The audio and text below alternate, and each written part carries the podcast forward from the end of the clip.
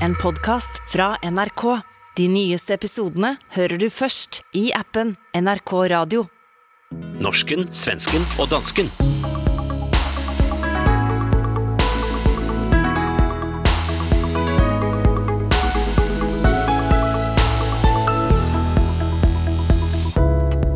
Har Oslo eller Bergen vakrest natur? Er det verdt å kjempe for sitt land? Og har du hørt om kristenkulten på Syddansk Universitet?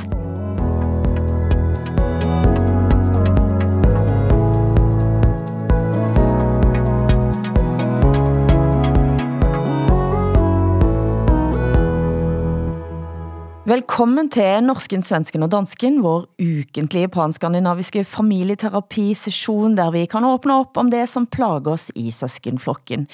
Og på terapisofaen er danske Hassan Preisler, svenske Åsa Linderborg og mig, Hilde Sandvik, som fremdeles også befinder mig i Italia på journalistkonference i den vakre byen Perugia. For vi, vi må være ærlige med lytterne. Denne episoden er spilt ind akkurat i det påsken er i færd med at sætte ind. Og vi har endnu ikke fundet frem palmegrener og påskeegg. Påskeharen er fremdeles i skapet, og hvordan har du det, Hassan? Jeg har det godt. Øh, jeg gør mig klar til at tage på en lille ferie med min øh, lille familie, og, og det glæder jeg mig meget til. Jeg er altid meget, meget bange, inden jeg skal rejse. Jeg ved ikke hvorfor. Jeg, jeg er sikker på, at, øh, at rejsen fører til undergangen. Øhm, og så når jeg er rejst, så, øh, så glemmer jeg det fuldstændig. Men, men lige op til en rejse, der går jeg i panik. Altså, mm. jeg er sikker på, at det bliver den sidste rejse, og nu går alting galt. Ikke? Har det nogensinde gått galt? Ja, altså ikke andet end jeg har, har hvad hedder det, er blevet skudt på og har siddet i fængsel og oh øh, har fået tæsk og så videre, men, men ikke rigtig galt. Det kan gå mer galet än sådär, att man hamnar i fängelse och blir beskjuten. Och... Ja, det er jo et langt liv, jeg har levet, skal du tænke på, ja, Åsa. ett dramatiskt liv alltså. Ja. Åsa, Själv sitter jag i, ja, jag sitter i vårt hus i, i Jämtland. Eh, utanför mitt fönster så ser jag en hackspett. Vad heter det på norska och danska? Det är en stor hackespett. Ja, en stor röd, vit, svart fågel. Ja. Som hackar på stammen, Ja. Hassan. Vad heter det på danska? Jamen, i, i Danmark, der hedder det bare en spætte, fordi vi ved godt, den hakker, så vi behøver ikke at kalde det en Jag hakkespætte. förstår, jag förstår. Det ju Eh, andra då vet du vad jag, vad jag pratar om. Det är en mäktig syn. Eh, jag ska strax förbereda eh, påskäggen, fylla dem med godis. Men det går inte att gömma dem utomhus kan jag säga. För det är en halv meter snö här. Nej, Det snöar något otroligt i Sverige just nu. wow. Det är vackert. Ja. Jeg kan jo sige, at jeg er straks på vej til Roma, eh, om ikke for at få et glimt av paven, så i alle fall eh, lidt påskesus i været, men jeg har faktisk lurt på, om, om jeg tør at rejse til Roma nu, for det at etter at fotballaget, altså Nordlands største sønner, Bodø Glimt, de slo Mourinhos Roma for andre gang. Og da kokte det Uh-oh. altså så over for den italienske eh, keepertræneren, at han skal ha taget kvælertak på Glimts træner. Kjetil Vad är det Knudsen. någonting? Kvälertak? Kvælertak er sådan strangling. Strupgrepp. Strupgrepp. Altså, hvem, Kvälertak. hvem, som, hvem som skal ha taget eh, og gått til angrep, og hvem først, det er selvfølgelig, så er det allerede op til diskussion. Roma beskylder eh, Glimts eh, træner, Bodø Glimts træner for at, for at gå til angrep først, mens eh, her bliver det påstått altså, at han fik et tak om halsen. De tålte ikke det så godt, at et lille lag oppe i nord eh, rett og slett knuste de for andre gang. Men får man göra det? Jag tänker på Will Smith som nu har blivit portad från eh, alla Oscarsutdelningar i tio år. Eh, Men på fotbollsplan får man alltså använda Ja, det våld då, det eller? vil vise sig. Det vil vise sig. Så jeg, jeg, kommer til at prøve, jeg kommer til at konsekvent snakke engelsk og aldrig norsk, mens jeg bare spacerer rundt i Roma. Men vi snakker ikke forrige gang om at Nyamko Sabuni, leder av Liberalerna for eh, norske lyttere, søsterpartiet til Venstre og de radikale i Danmark, Hun sa, at hun ville flygte til Norge, hvis det blev krig. Og det blev ikke taget så godt imot også. Ja, alltså det var i en eh, podd på Svenska Dagbladet tillsammans med eh, Moderaternas partiledare Ulf Kristersson och Svenska Dagbladets eh, politiska chefredaktör Tove Livendal. Som, det var ett trevligt och mjukt samtal, det var liksom ingen hård debatt. Och så kom den här frågan upp vad man skulle göra ifall eh, Sverige blev invaderat på samma sätt som Ukraina. Och då så sa Nyamko Sabuni först att hon skulle fly till sitt torp, alltså sin stuga tror jag, i Småland. Och, och räcker inte det så fly till, till Norge. Hon sa inte Danmark, Hassan. Jag vet inte hur du tolkar det, att hon, att hon väljer Norge framför Danmark. Hur känns det? Jamen, jeg tænker, at det ikke, det har ikke noget med kulturen at gøre. Det har noget at gøre med, at Norge har, har øh, altså høje fjelle og sådan noget. Er det ikke, er det ikke sådan noget? At du kan hjemme dig i Norge, føler du? Det er Tror du, tror du, jamen, tror du, hun flygtede til Norge på grund af nordmændene? Nej, jag vet inte. Men eh, jag tyckte att det var ganska intressant. För att det är väl ungefär det jag tänker själv. Att skulle jag fly någonstans så är det till Norge. Jag Varför? tror kanske att vi i Sverige tänker på Norge som ett systerland. Som är lite närmare än... än eh, I Danmark är ni så misstänksamma mot alla, allt svenskt och alla svenskar. Jag tror vi känner av det kanske. Alle Nej, det seriøst? Ja, det tror Jamen, jag. er, det er, tror jag. er det rigtigt, Åsa? Det Ja. bliver jeg da meget skuffet over. Jeg troede, I ville flygte til Norge på grund af bjergene. I- Man kan gemme sig nej. i naturen, ikke? Nej, du vet, jag gillar inte natur överhuvudtaget. Men, så, men jeg, øh, det, det er jeg meget skuffet over. Jeg ville Mm. forvente, at du flygtede til København. Men altså, Jag skulle gärna det, dela min tid mellan Norge och Danmark. Ja. det blev jo ikke taget så særlig godt imot av svenskene heller, dette da. Og det fik konsekvenser. Ja, alltså dels så är det ju så att vi har skrivit i den svenska grundlagen att man får inte lämna landet. Män och kvinnor måste stanna kvar i händelse av en, en invasion. Man ska Oj. stanna kvar och försvara sitt land. Så dels det, och sen också ska en partiledare lämna landet, det är också ytterligare en fråga. Eh, vi kan prata mer om det här senare, men jag, jag kan ju förstå känslan av att vilja fly, ja förstås. Men- hon tvingades avgå. Men vi ska säga att Nyamko Sabuni, hon tvingades inte avgå bara på grund av det här uttalandet, utan därför att det har varit ett parti i fritt fall i flera år, med stora motsättningar och Okay, ja, det på grund av att... Li- ja, precis. där- Därför att Liberalerna har bestämt sig för att de ska ingå i en borgerlig regering, om det går, med stöd av Sverigedemokraterna. Och det splittrar ju det där partiet mitt itu.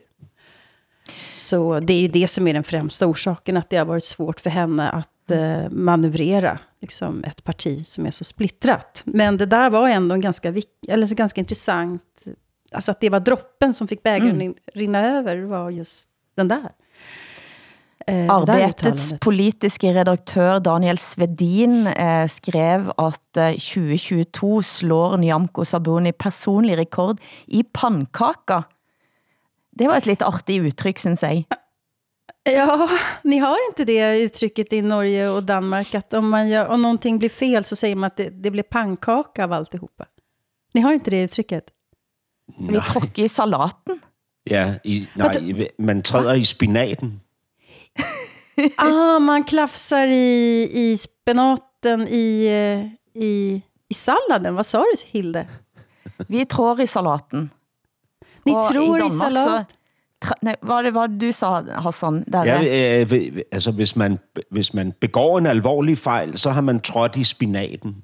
Ah, Okej, ah, men Ja. i, i Sverige så eh, blir allt en pannkaka.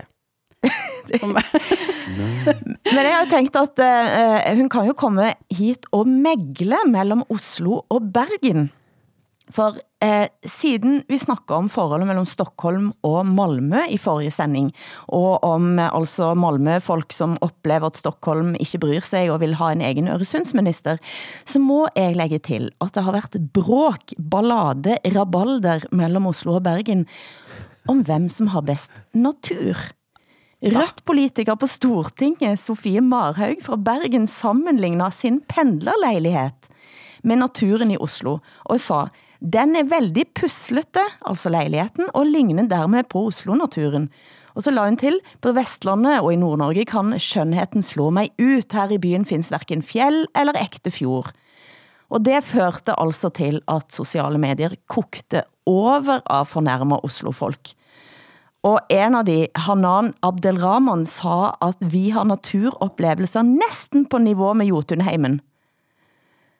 Og da lurer jeg selvfølgelig på, hvad siger det om den norske hovedstaden, at folk blir fornærmet, når folk ellers i landet synes, at naturen er kedelig? Jeg ser ikke helt for mig, at det ville ha skjedd i København mm. eller Stockholm. Øh, nej. Nej, altså, at man taler om, at naturen er kedelig. Altså, det er, jo, det er jo bare en grundpræmis. Sådan er det jo. Naturen er kedelig, uanset hvor man er. Om den er, bær, om den er Bergensk eller Oslosk, gør ingen forskel. Gudrun Sjødén, altså denne damen, mm. som skaber eh, klær for eh, lidt, kanskje lidt sådan ældre generation av hennes Maurits, er det stygt at sige? Eh, tjene en kvart miljard svenske kroner i året. Ja, det var, fått, det, man kan ja. Inte, ja, ja, gud, det är en av Sveriges största eh, exporter faktiskt, Gudrun Sjödén. Hon har butiker i 70 länder. Eh, nu kan inte lyssnarna se det, men Hilda Hassan kan se att jag faktiskt har en sån här klänning på mig från Gudrun Sjödén som är 15 år gammal. Det här är min skrivrock, brukar jag kalla den för. Jag skriver mina böcker och större projekt i den här klänningen. Den är grön och den är... Det är så här som kulturtanter har som är 60 år och äldre. Om man går på bokmässan så är det väldigt många kvinnor som har just en, en sån här. Det är vid passform, det är glada mönster och det är också då ligger i hela det här hennes koncept, Gudrun Schyman, att det är svensk kvalitet och det är svenska ja. värderingar. Man tänkte det här är progressivt och modernt och glatt och frimodigt. Och nu har Gudrun Sjödén än en gång anklagats för eh, rasistiska uttalanden eh, och så vidare. Och det är inte första gången, utan det har varit tidigare så. Och då går de här kulturkvinnorna Eh, min mamma till exempel bojkottar Gudrun Sjödén. Och sen så går det några år och så tänker man nu har de förbättrat sig. Så börjar man handla där igen och så, så kommer ett nytt sånt där uh, skov med. Ja, okay. Men, ja. men hvordan ser bogmässen så ud, når, når de her kulturkvinder har boykottet hende? att man kanske har på sig sina gamla kläder, eller man hittar någonting annat någon annanstans. Men, men det, det er men, ret fantastisk, ja. altså ja. i Danmark på bogmesserne, øh, mm. og øh, i øvrigt på Museet for Moderne Kunst Louisiana, som ligger mm. nord for København. Øh, der går øh, kulturkvinderne i det finske tøjmærke Marimekko. Ah. Ja. ja, det här är ja. ungefär, man kan tänka, det är precis samma klientel. Alltså ni som känner mig vet att jag alltid går i svart. Jag har aldrig någonting annat på mig svarta kläder. Men när jag skriver och skapar, då är den här klänningen en befrielse. Därför att den, den öppnar upp mina sinnen liksom, för ja. någonting annat. Med färg och form och estetik. Och att våga kasta mig lös. Det, og det, det fyller du, den her klänningen for mig. den men du boykotter nå ikke, fordi altså, noe av det hun har sagt... Jo, jeg boykotter, altså, ja. förlåt. Jag handlar inte. Nej, den här är 15 år gammal, den här kläden. Ja. Nej, fordi hun, noget af det, hun har sagt, er, er, er jo, er, man rynk, altså, rynke panne, eller jeg vet ikke, hvad jeg skal sige, når jeg ser, at hun blandt andet helt uden at eh, skjems av det, siger til en mørkhudet person, at eh, jeg ser ingen mimik, fordi du er så mørk. Jeg ser ikke forskel på svarte folk. Mm är något av det som ja. hon ska ha sagt, för exempel. Ja, hon har eh, enligt flera vittnen också uttalat sig om ehm, eh, kineser som att de kommer från Xinjiang-landet och ja, det är lite allt möjligt. Hon mm. har tidigare sagt att hon tycker att man ska säga lapp och att hon förstår inte begrepp, begreppet sam överhuvudtaget och sådär. Det är väldigt politiskt inkorrekt. Eh, och så blir det ju den här tvisten att hon gör kläder för politiskt korrekta människor i huvudsak. Så visst är det kul. Jag, jag tror du kommer till köpa. Du kommer till köpa dig en sån kjole, Hassan. ja. ja, det, det kan være, jeg skal gøre det. Du hører norsken, svensken og dansken Programmet blir sendt i Danmarks Radio, Sveriges Radio og Norsk Rikskringkasting.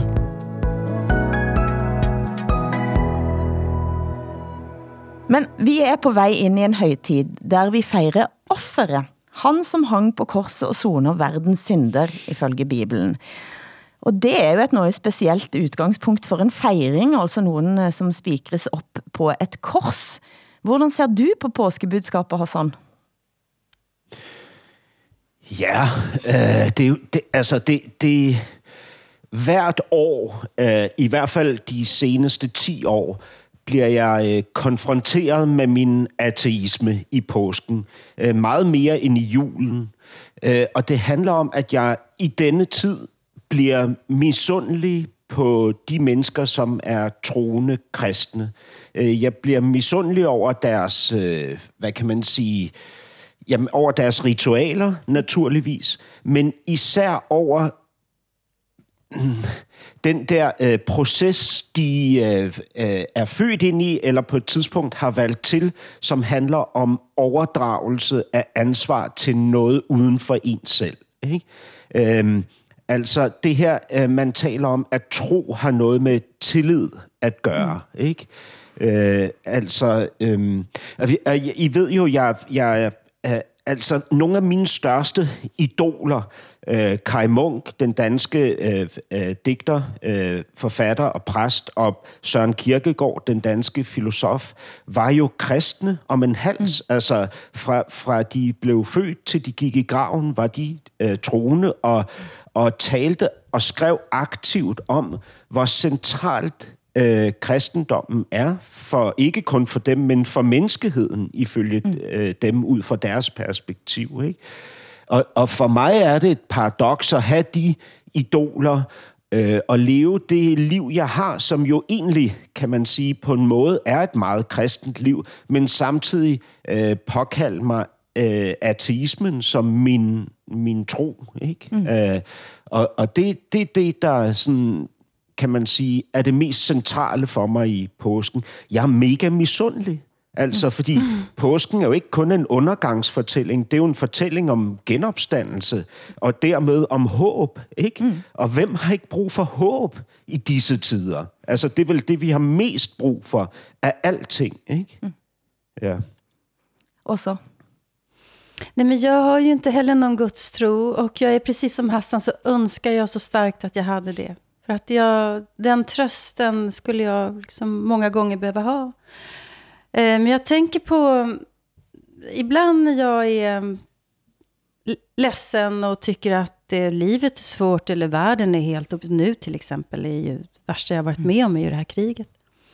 Så har jag ju en vän som heter Göran Greider som ju är en av Sveriges främsta vänsterikoner. Och han skrev mig ett väldigt tröstande brev en gång om om mig och om hur allting är. Och så sa han, när jag mår som sämst, då har jag en gudstro som jag kan vila mot.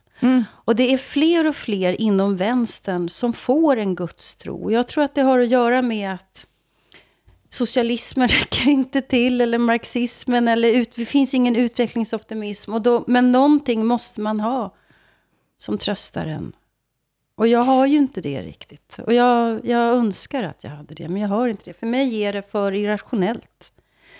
Eh, med, Nå- nå- eh, Ja. med, med religioner överhuvudtaget. Jag ser liksom inga bevis för de här påståendena som görs. Men jag förstår funktionen.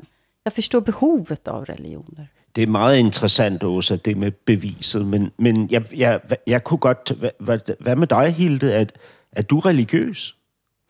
Eh, Nej, men jeg kender, eh, jeg kender religionen veldig godt, fordi at jeg vokste op i det. Eh, altså på et sted på Vestlandet i det, som bliver karakteriseret som bibelbælte.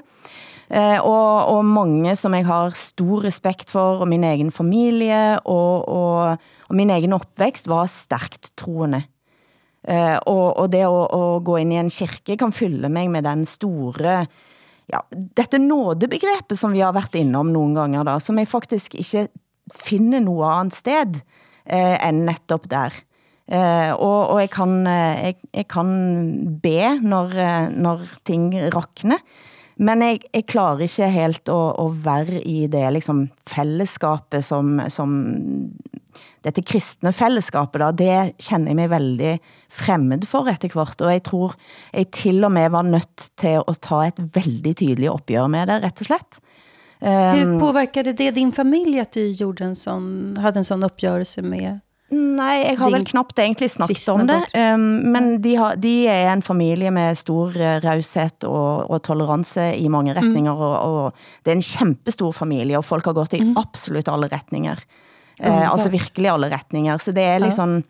Det er, men men det, er, det er næsten sådan, at det er liksom vanskelig at snakke om. Um, um, men så, og så liksom, hvis den skal bryte det ned, så tenkte jeg at vi kunne liksom ta en liten runde gjennom eh, et av budskapene i påsken, som jo er offeret. Altså det at offre sig for noget større. Mm. Eh, og er det noget, vi ville ha offret os for? Hvad tænker du, Hassan? Altså, jeg, jeg, jeg tænker, jeg tænker, at jeg ikke er i tvivl om, at jeg vil ofre mig for mine børn.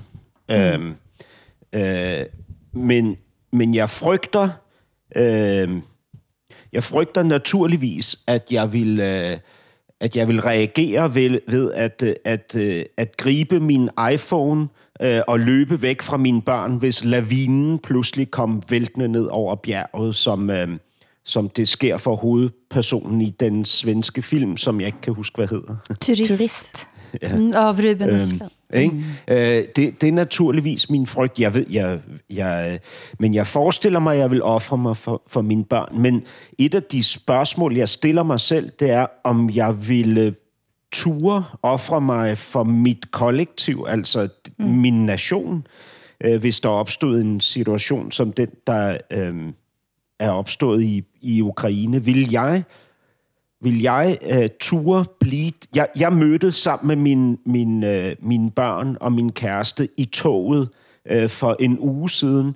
En, øh, en familie øh, fra Ukraine. Det var øh, en mor, og så var der tre piger. Mm. Øhm, de, øh, de var kommet til, øh, til Danmark som flygtninge, og nu var de på vej ud i dyrehaven for at gå en tur. Øh, og jeg spurgte så de her piger til forskellige ting, øh, blandt andet om hele familien var flygtet, og så sagde de nej, ikke vores far. Og, og, og så kunne jeg jo godt se øh, i dem, hvad det handlede om, det her, og jeg spurgte ikke mere ind til det, men, men det, det jo handlede om, det var, at han enten ikke vil eller ikke må flygte, fordi han er mand, og han skal blive tilbage og kæmpe for sin nation, ikke? Og der tænkte jeg, øh, shit mand, det er jo mig. Jeg er en mand mellem 18 og 60 år, ikke? Se, mellem 18 og 60 år. Så det vil sige, hvis der opstod en tilsvarende situation her, så er det faktisk mig, man kræver, forventer og forlanger af, at jeg skal blive tilbage og forsvare mit land, altså kæmpe. Ikke? Mm. Øhm, og det, det, det er jo en konfronterende tanke, fordi tør jeg det? Altså, kan jeg det? Øh, kan jeg mobilisere det, der forventes af mig, eller vil jeg være alt for red til at øh, kunne reagere, som man skal reagere i sådan en situation? Mm. Jeg tænk, hvad tænker du om det også? Ja, jag, jag, jo, jag, jag säger någonting om det här med nationen, men först vad jag själv, det här med att man kan offra sig för sina barn, skulle man göra det eller inte när, när det väl gäller? Mm. Eh, när jag skulle föda min dotter Amanda, så kejsarsnittades jag och bara halva kroppen var bedövad. Så att jag känner när läkaren skär med kniven, skalpellen, genom fyra lager i magen. Oh. Det var en fruktansvärd smärta. Och då så säger läkaren till sist till mig, ska jag fortsätta? Jag skriker ju som Mm. om jag ska dö. Och då så säger läkaren till mig, ska jag fortsätta? Och jag förstår inte att han frågar om han ska söva mig. Utan jag tror att jag ställs inför ett ultimatum. Att nu måste jag välja mitt liv eller barnets liv. Oj. Och då säger jag, du måste fortsätta. Då väljer jag alltså det här barnet framför mig själv som jag aldrig har träffat. Jag vet inte vem den här flickan är som, som ska komma ut. Eh, och då väljer jag självklart barnet. Och för mig var det omtumlande därför att jag ser hur föräldrarskapet liksom både förpliktigar och nästan sitter där biologiskt eller genetiskt, jag har inte ord för det. Sen är det någonting annat om man ska slåss för sitt land. I Sverige så har vi ju den diskussionen nu med anledning av Njung. Ja, Hilde, du kan bryta in där då. Om du... Nej, det, nej for, Ja. ja. for, fordi, for, fordi det er jo sådan, hvad er den slåss for? Slåss den for sitt land, eller slåss den for noget andet? Og jeg, og jeg tænkte, jeg har været nå nogle dager på journalistkonference i Perugia, Eh, og det er både inspirerende, det er en slags også call to action for min del, må jeg si. Eh, her er det journalister fra hele verden. Eh, og det er amerikanere, som er redde for, hvad som vil ske med valget midterm. Altså når, eh, når det har gått to år ind i Bidens periode, og, og en, eh, har eh, en midterm valg. Der er indstramming av valgregler på trappene, som vil gøre det vanskeligere at stemme. Det er højre partier på fremmarsch i Frankrike, træffer østeuropæiske journalister, sådan som hver dag må slås mot regelret løgn. Indiske journalister, som stadig lever et farligere liv. Og jeg må indrømme, at jeg kender, altså slås for land er en ting. Eh, Men det jeg kender er en vilje til at slås for nogle av de værdierne, som våre land repræsenterer. Og den viljen har blitt eh, stærkere. Eh, og det er jo det, som blir også lidt interessant ind i den diskussionen i Sverige nu også. For eh, spørgsmålet er, hvad som står på spil, og hvad man oplever, at man selv har. Og det du er innom er, at det har været en stor diskussion i Sverige etter, etter at Magdalena Andersson kom ut i begyndelsen av mars, sant, og sa at eh, når man ser, for- altså, det, det kommer allmän værneplikt i Sverige, som man da ikke har haft. Och vi kommer få se mer av det svenska försvaret under de kommande åren. Från norr till söder, över hela vårt land. Och vi ska tillsammans bygga upp svenska samhällets motståndskraft. Och här vill jag tala klarspråk. Fler unga kommer på sikt behöva bereda sig på att göra värnplikt och bidra till det militära försvaret. Og det skabte et himla bråk. Ja, alltså jag, tycker det är, jag tycker det är märkligt faktiskt. Jag tycker det är självklart att vi ska ha allmän värnplikt och det har jag tyckt alltid. Eh, därför att det är eh, farligt överhuvudtaget tycker jag med, med elitarméer. Eh, jag tycker att det är ett eh, medborgerligt uppdrag.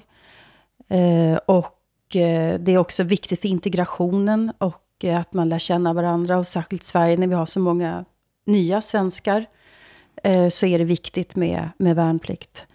Men vi har ju en diskussion där det är flera stycken som faktiskt har vågat gå ut och säga att jag är inte säker på att jag skulle våga slåss för mitt land. Nyamko Sabuni är en. Hon sa att jag, hon, hennes första tanke var att hon skulle fly.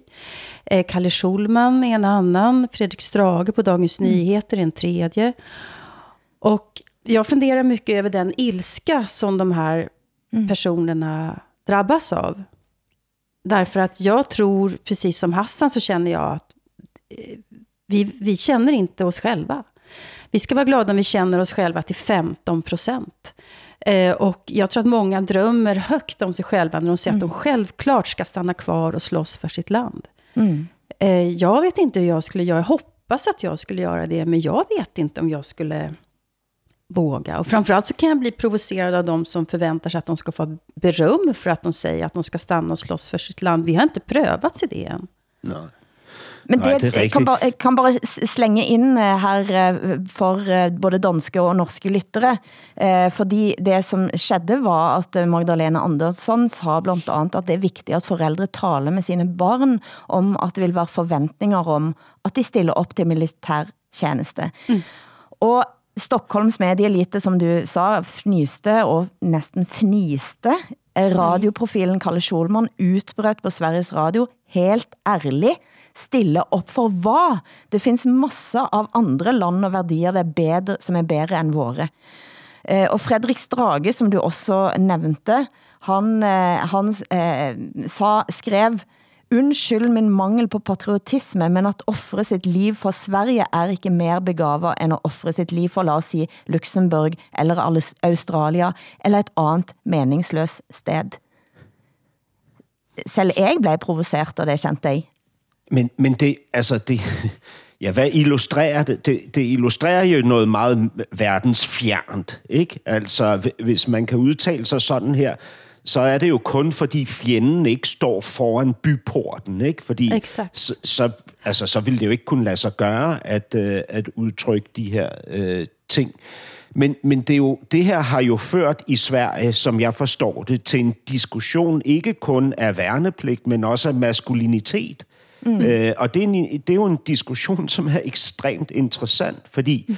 jeg kan jo ikke vurdere, om det er øh, modernismen, der har gjort, at jeg er så tvivlende i forhold til mine egne maskuline kapaciteter.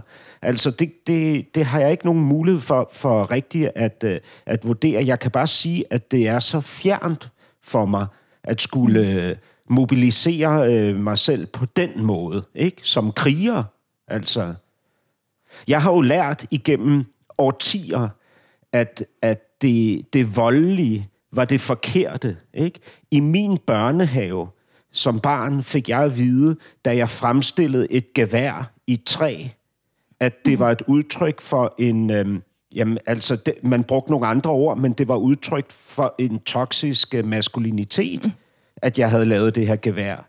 Og nu skulle jeg tage det her gevær, og så skulle vi brænde det på bålet.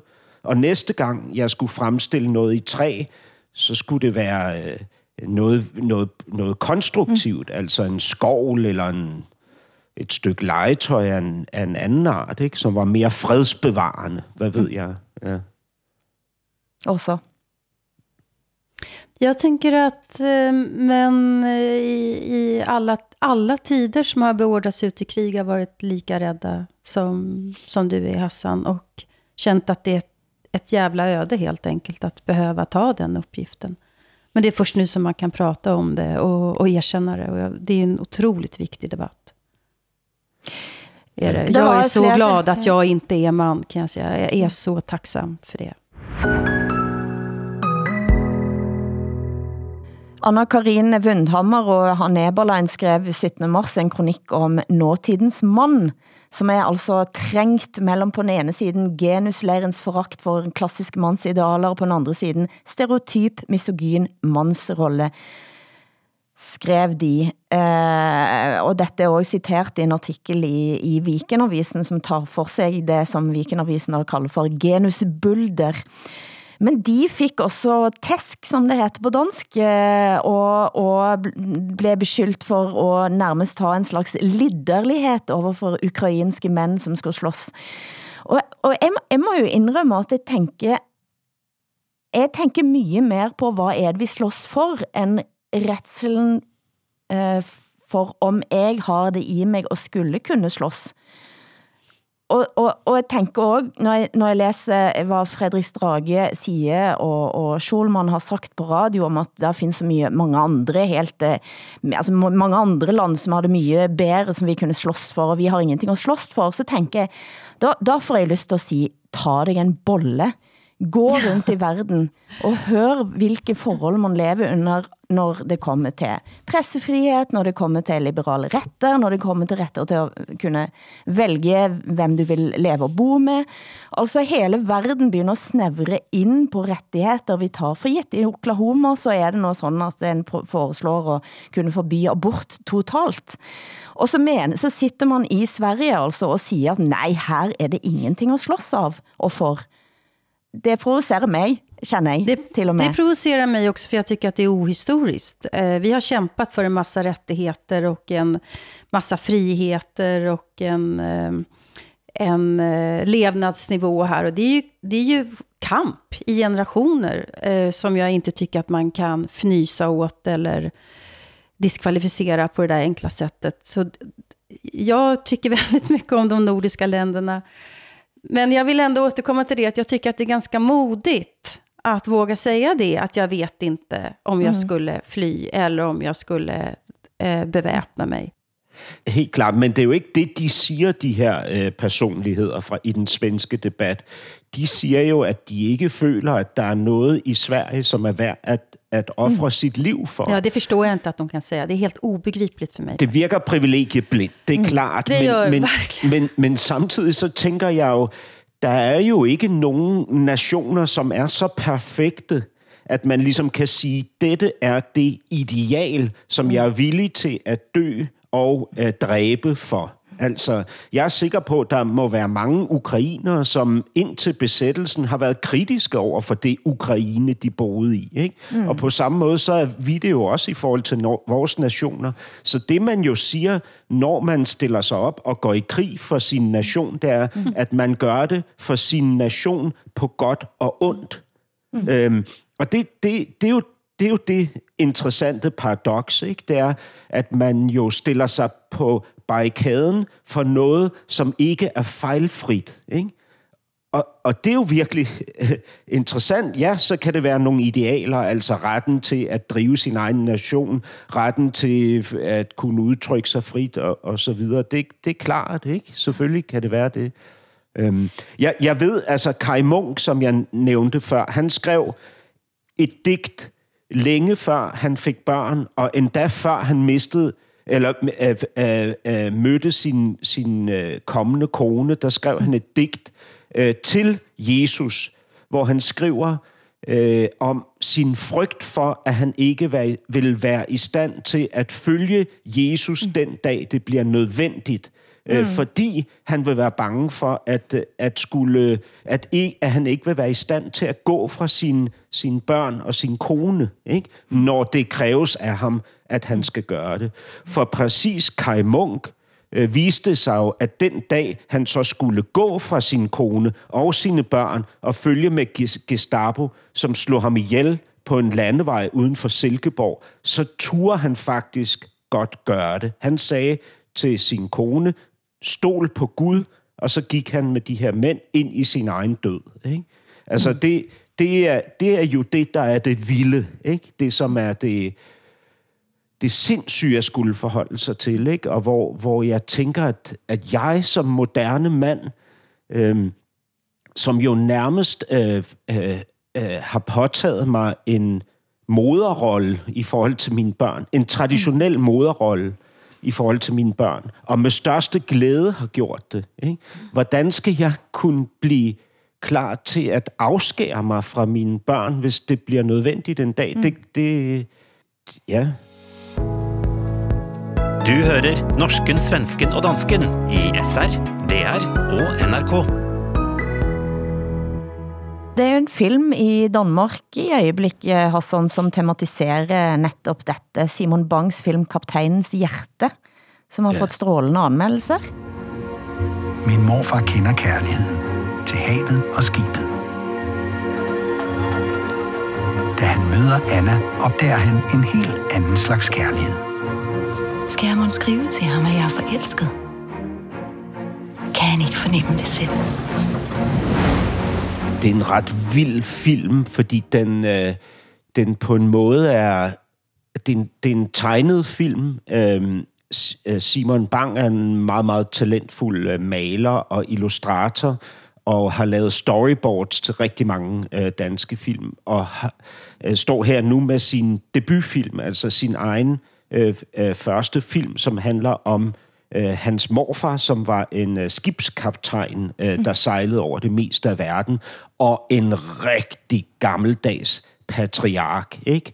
Og deri er det gammeldags i den her film, fordi det er faktisk øh, på, på en sær måde en hyldest til den patriark, som vi i, så længe som jeg kan huske, ikke har måttet hylde. Altså, det har været forbudt at, at uh, tale ham op. Ikke?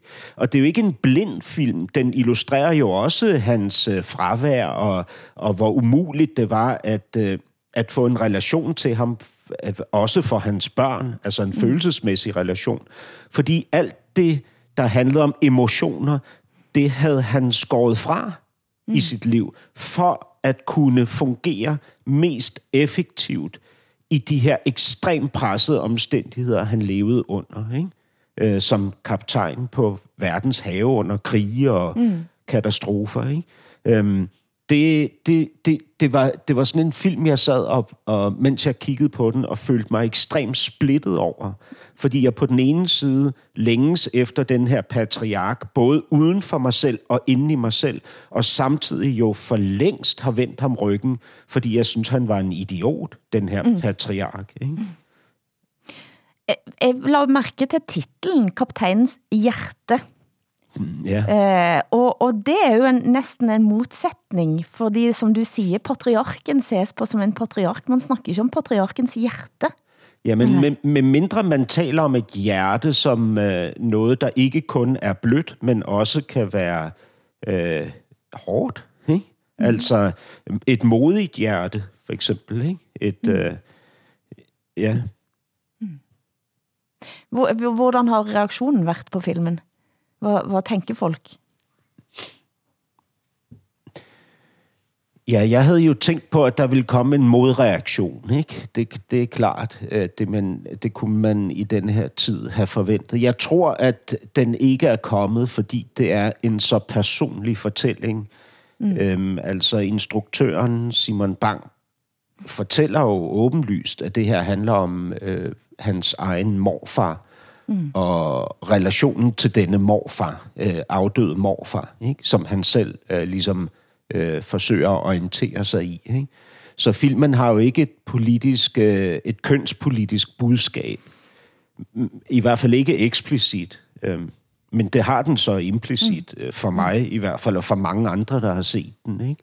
Altså en, hvad kan man sige, en nostalgisk længsel efter noget, man man ved eksisterer uden for en selv, og som man måske i det skjulte håber på stadig findes inden i en som mand.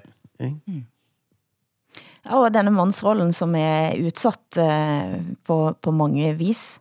Altså, jeg må indrømme, der kommer så mange nyheter i øjeblikket, at jeg, at, jeg, at jeg strever med at finde netop eh, de ordene for at beskrive en god mandlighed.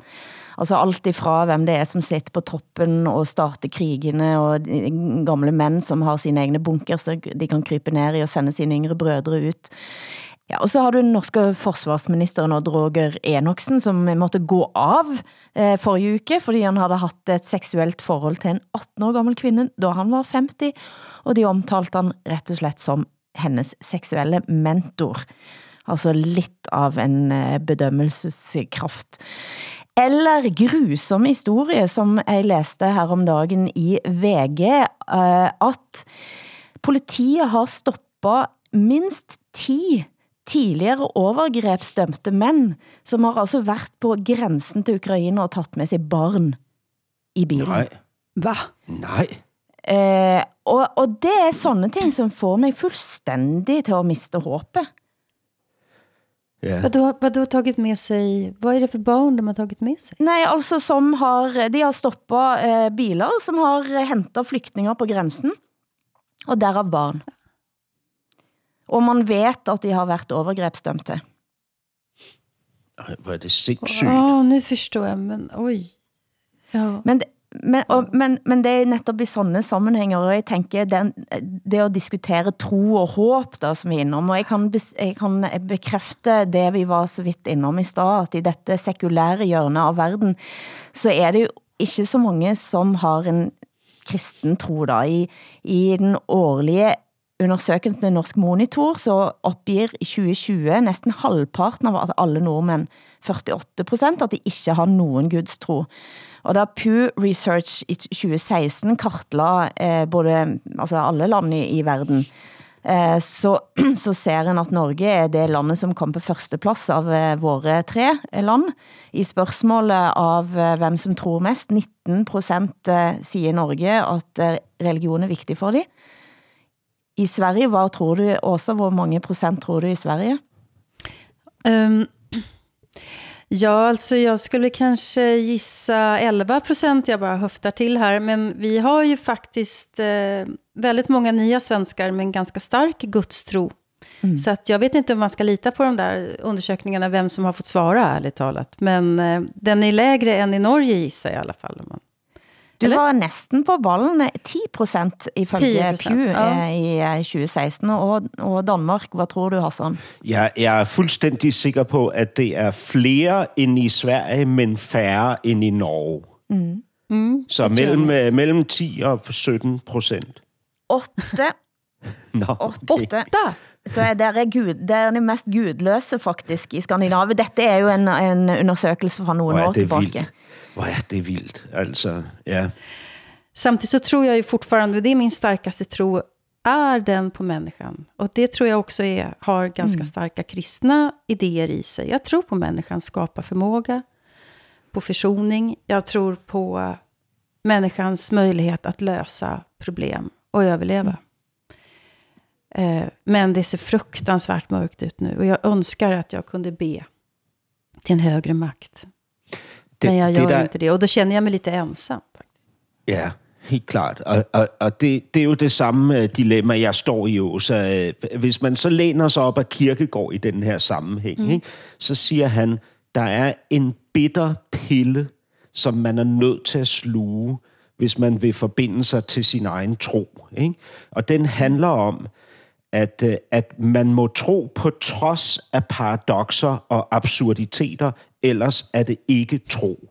Og det, det, er, jo det, det er jo den sindssyge proces, man er nødt til, ligesom forestiller jeg mig, at, at skulle øh, øh, hvad hedder det, ligesom gennemgå, ikke? som jeg ikke kan gennemgå. Jeg ved ikke, hvordan man gør det. Jag har ändå varit med om någonting som jag nästan tror jag var en religiös upplevelse faktiskt. Och det var i, när jag bodde i Uppsala och så satt jag vid mitt skrivbord och jag jobbade väldigt mycket som vanligt, arbetade. Och så i dörröppningen så ser jag mina två barn, Amanda och Maxim. De står bredvid varandra i dörröppningen och de väntar på mig att jag ska bli klar. Och solen ligger på bakom så att det är som en altartavla. Och då tänkte det här, vad är det här för människor? Det här är mina barn. Och det var en extremt stark upplevelse. Extremt stark. Och just för att jag också fick det som, för mig blev det som en, ja just en altartavla, nästan ett bibliskt språk där. Och då förstod jag den här kraften, att man plötsligt bara kan drabbas av någonting som jag tror att många skulle säga är nästan en religiös upplevelse. Det var inte Jesus jag såg, men jag såg någonting som var betydligt, betydligt större än livet själv. Ja. Men eh, jeg, jeg har haft mange religiøse oplevelser og nær religiøse mm. oplevelser, som jeg kunne sikkert uh, ha, ha fortalt om, men så krasjer det så fuldstændig ret ind i oplevelsen av religion som makt, som vi også ser nu.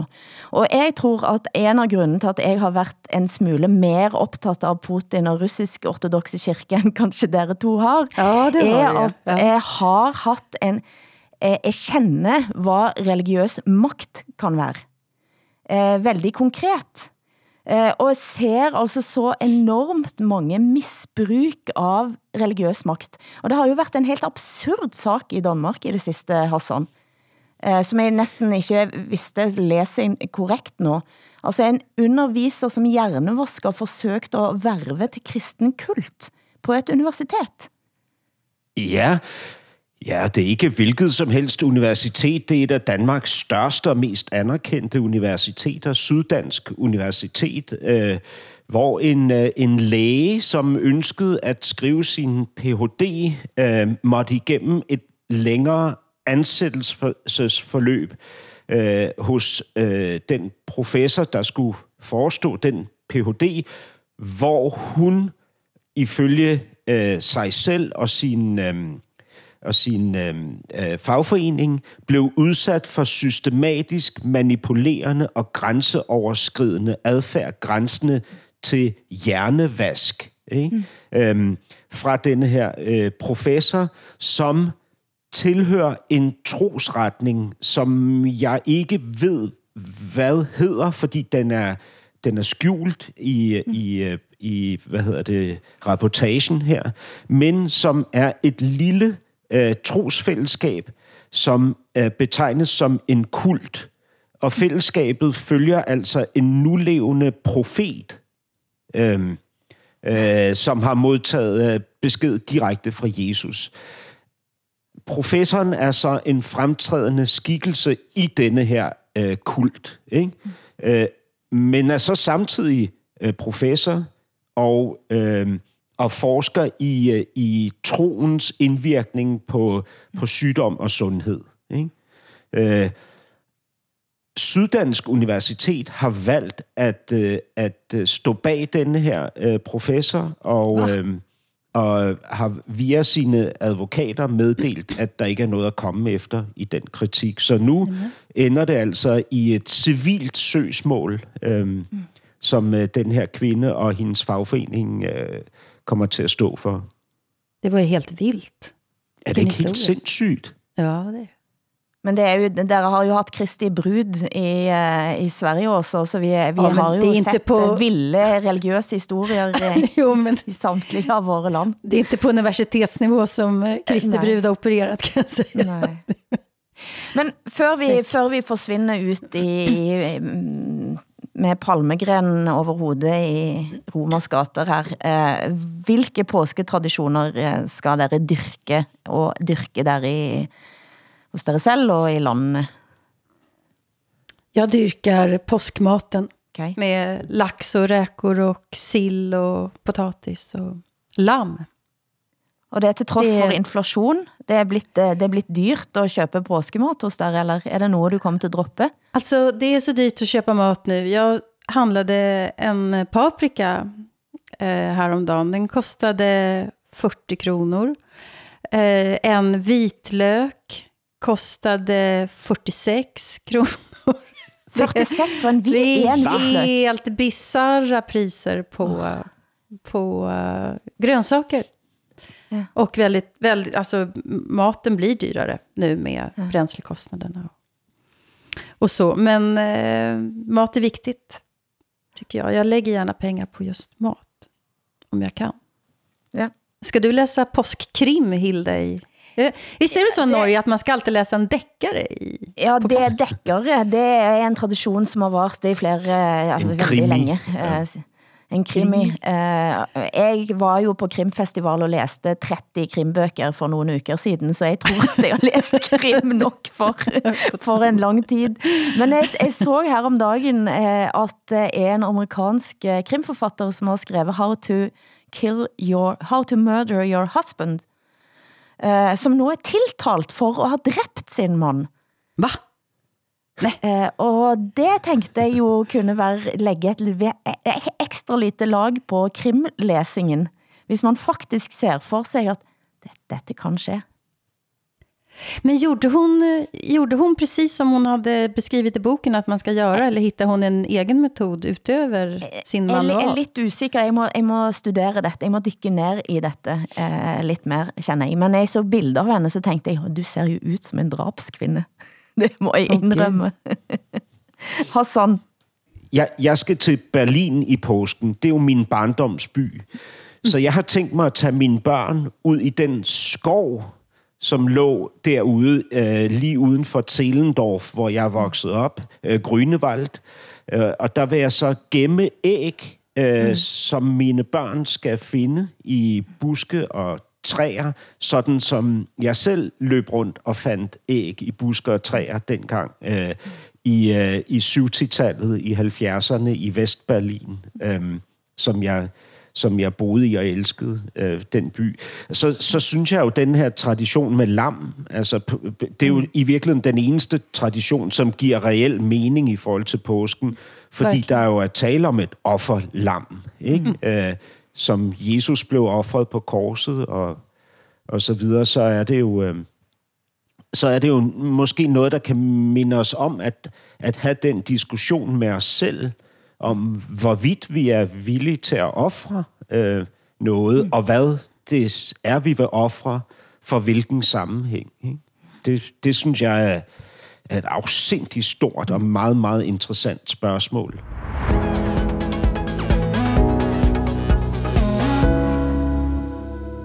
Det blir sidste ord fra os i ukens Norsken, Svensken og Dansken. Og la os holde fast i håbet. Og vi kan gøre det med denne lille perlen fra nylig avdøde svenske skuespilleren Sven Melander og hans interview med lille Anna på Nøjesmassakren fra 1985. Ja, lille Anna. Om du fick önska dig vad som helst i hela världen, vad skulle du önska dig då? En docka. Ja, jag menar liksom någonting större. En cykel. Nej, inte, inte, inte någon leksak.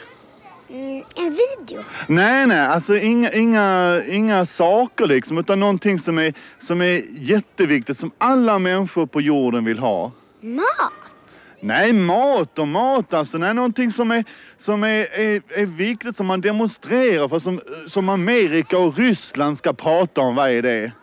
Pengar. Nej, pengar och pengar, vad fan är det enda du tänker på? Dockor och cyklar och pengar och mat och sånt? Skit alltså, vad fan? Tänk om det kom hem en massa soldater och, och sköt din mamma och din pappa. Skulle det vara roligt? Tycker du det skulle vara kul va? Nej. Nej, men vad är det då? Vad är det då då? Krig. Ja men vad fan är du dum i huvudet? Det är ju, det är ju inte det det ska vara. Vad är det då man inte vill ha? Vad är det man ska ha då? Fred. Ja, det är precis. Ja, och det är alltså det som svenska barn vill ha mest av allt. Fred på jorden. Producent har været Eskil Paus, tekniker Hans Christian Heide, tak til Hassan Preisler i København, Åsa Linderborg i Stockholm. Jeg heter Hilde Sandvik for anledningen i Perugia, Italia. Programmet er produceret av både og for NRK, SR og DR, der redaktør for programmet er Ole Jan Larsen. Og vi høres igen om en uke.